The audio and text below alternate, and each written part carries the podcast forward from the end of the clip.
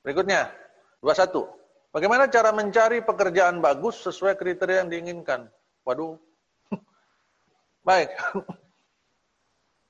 Bagaimana cara mencari pekerjaan bagus sesuai kriteria yang diinginkan? Caranya adalah dengan men, uh, me, banyak aktif di berbagai uh, apa namanya tempat yang biasanya mengumumkan atau menyampaikan info-info lowongan kerja, terutama pekerjaan-pekerjaan sesuai yang kita inginkan.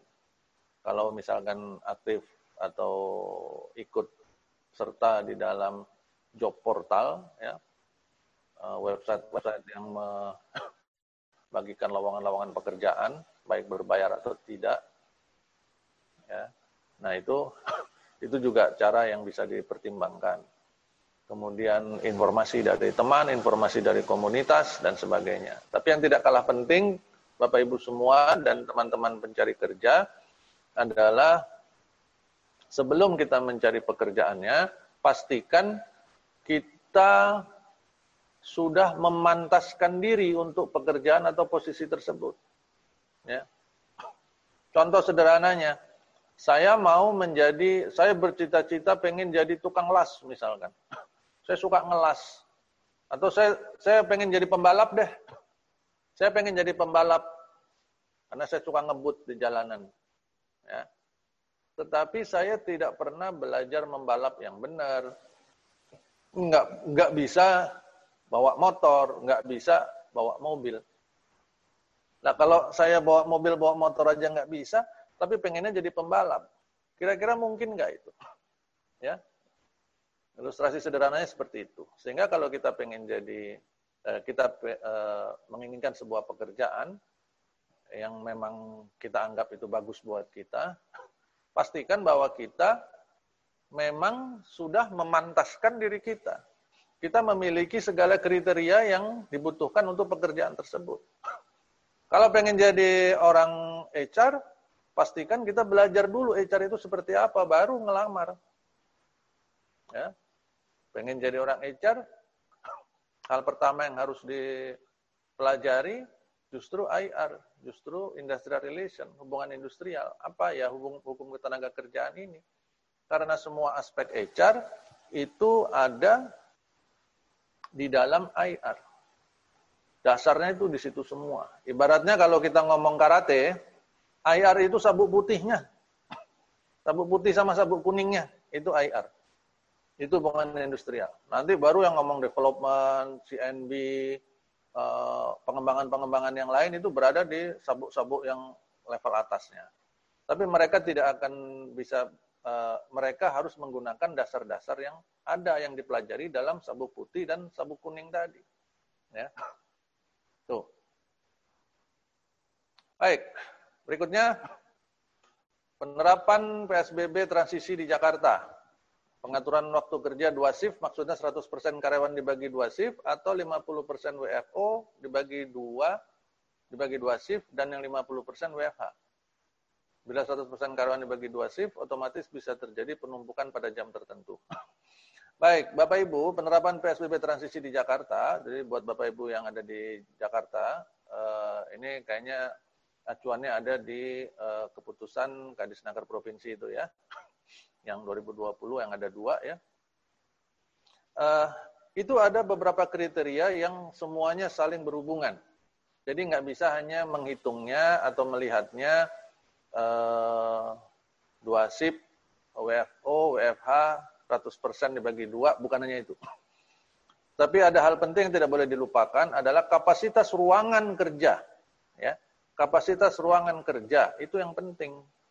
Jadi Eh, bagaimana cara kita mengatur pada saat dua shift dibagi dibagi menjadi dua shift atau karyawannya sebagian yang mana WFO mana WFH yang WFO pada saat yang bersamaan itu harus dipastikan tidak boleh melebihi kapasitas yang sudah ditentukan. Kalau tidaklah dalam keputusan Kadisnaker Provinsi DKI itu 50 eh, persen ya, 50 persen dari kapasitas. Jadi uh, itu sudah maksimal. itu sudah maksimal.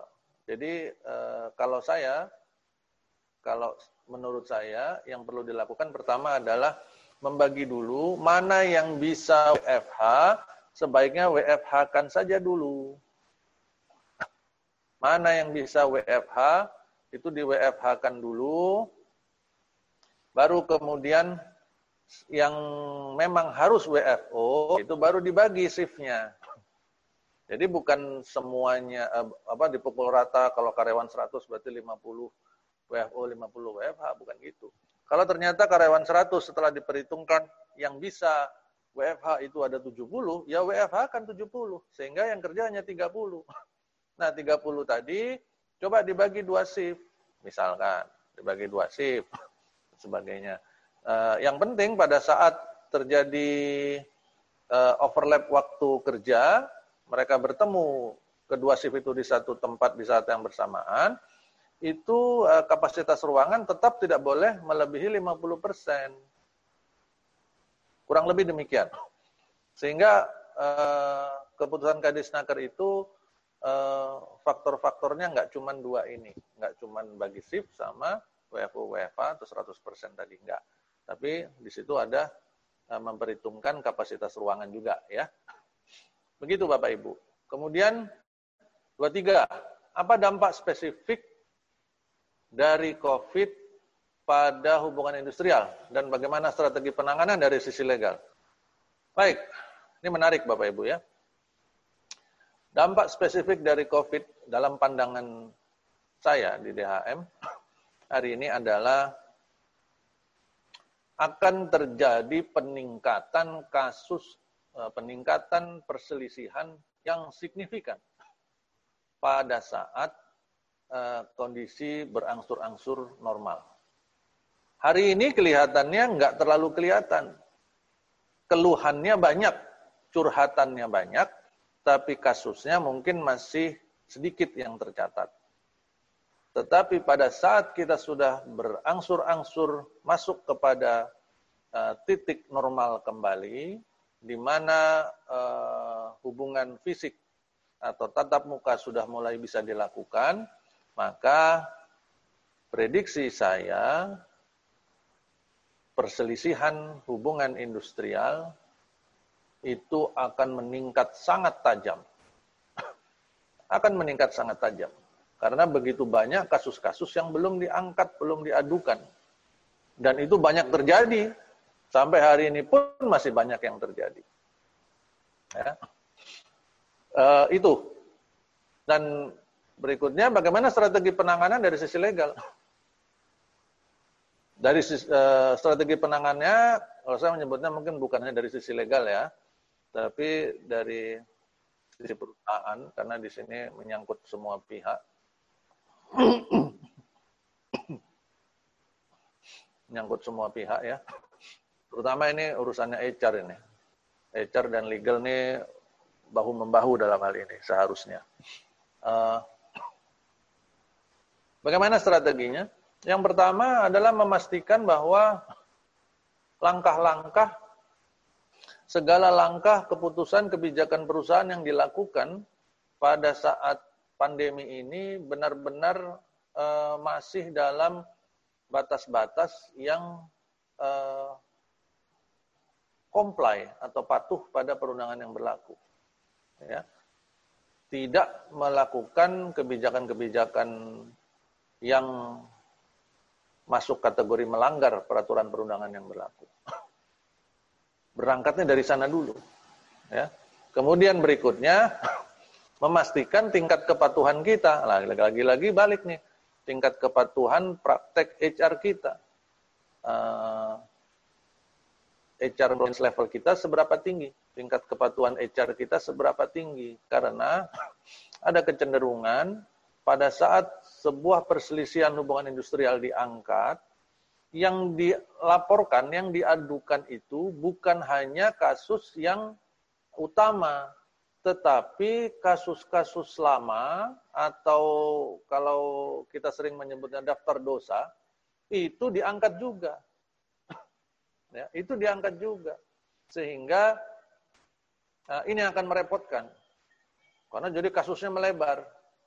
Maka PR besar dari setiap perusahaan hari ini adalah uh, memastikan bahwa uh, level of compliance-nya itu berada dalam posisi yang bagus. Dan memastikan level of compliance di HR, ya, uh, tingkat kepatuhan HR yang tinggi, itu bukan dari parameter bahwa hari ini tidak ada masalah. Jangan salah. Bapak Ibu, hari ini tidak ada masalah atau selama ini tidak ada masalah itu bukan parameter bukan parameter sebuah tingkat kepatuhan yang tinggi. Ya.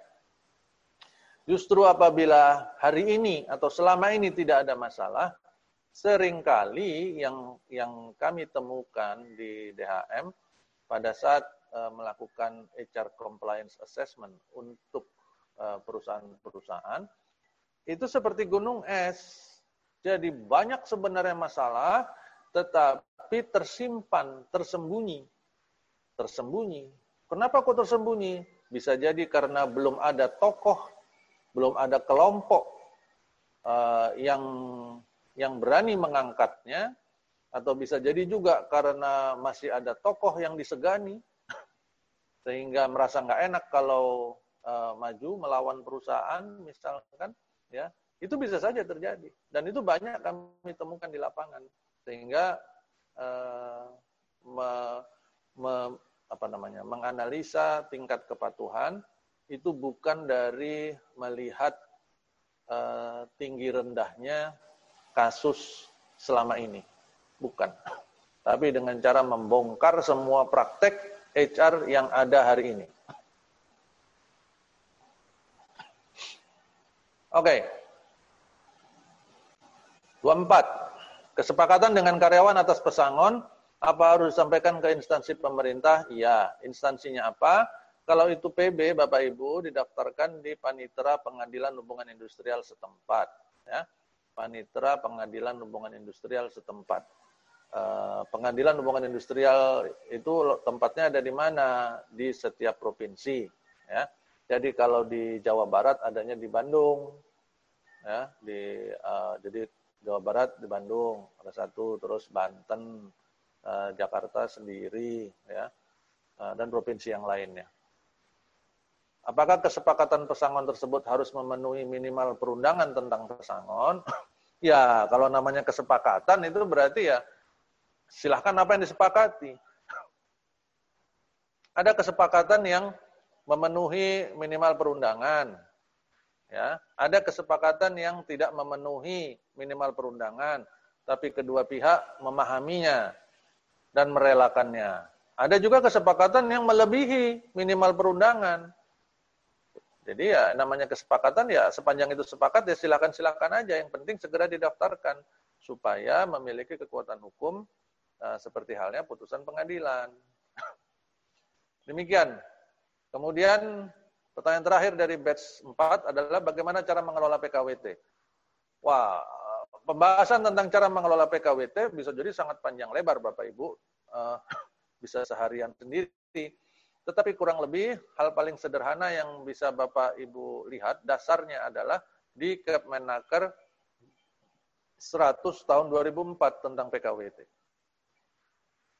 Ya, Kepmenaker 100 tahun 2004 tentang PKWT. Yang apabila itu disederhanakan, kebetulan eh, kami DDHM membuat eh, semacam ringkasannya dari Kemenaker 100 2004 seperti ini. Ya. Ya. Nah, hanya berupa matriks satu lembar. Ya, jadi mat satu lembar ini ternyata uh, sudah menjadi rangkuman dari Kemenaker 100 tahun 2004. Sengaja ini dibuat uh, supaya mempermudah pemahaman bagi siapa pun yang uh, bukan berasal dari latar belakang pendidikan hukum. Ya, yang bukan berasal dari latar belakang pendidikan hukum. Itu yang uh, mendasari alasan kenapa saya membuat rangkuman ini. Jadi kalau Kemenaker 100 2004 itu ada kurang lebih 25-an pasal lah. Di bawah 30 pasal ya. Uh, yang kalau dibaca kalimatnya benar-benar kalimat hukum dan itu uh, orang yang yang bukan dari eh, orang yang dari background hukum aja harus berhati-hati bacanya, apalagi yang bukan dari latar belakang pendidikan hukum. Maka saya mencoba menyederhanakannya menjadi satu matriks ini saja, ya. Dan matriks ini eh, bisa Bapak Ibu temui dan ini bisa di download kok. Ini sering saya share di sosmednya, di akun Facebooknya Diana Stamulia. Demikian juga di websitenya DHM Partners sudah ada, eh, bisa di download gratis. Dan ini biasanya saya uh, sampaikan kepada teman-teman HR supaya mereka memahami ada berapa jenis PKWT, eh, kemudian harian lepas itu syaratnya apa, itu semua sudah ada lengkap. Yang mana yang boleh perpanjangan, yang mana yang nggak boleh perpanjangan, yang mana yang boleh pembaharuan dan yang mana nggak boleh pembaharuan, dan PKWT yang mana yang ada jeda waktu 30 hari dan yang nggak ada jeda waktunya itu semua ada di sini. Ya, hanya dengan satu lembar ini. Ya. Begitu.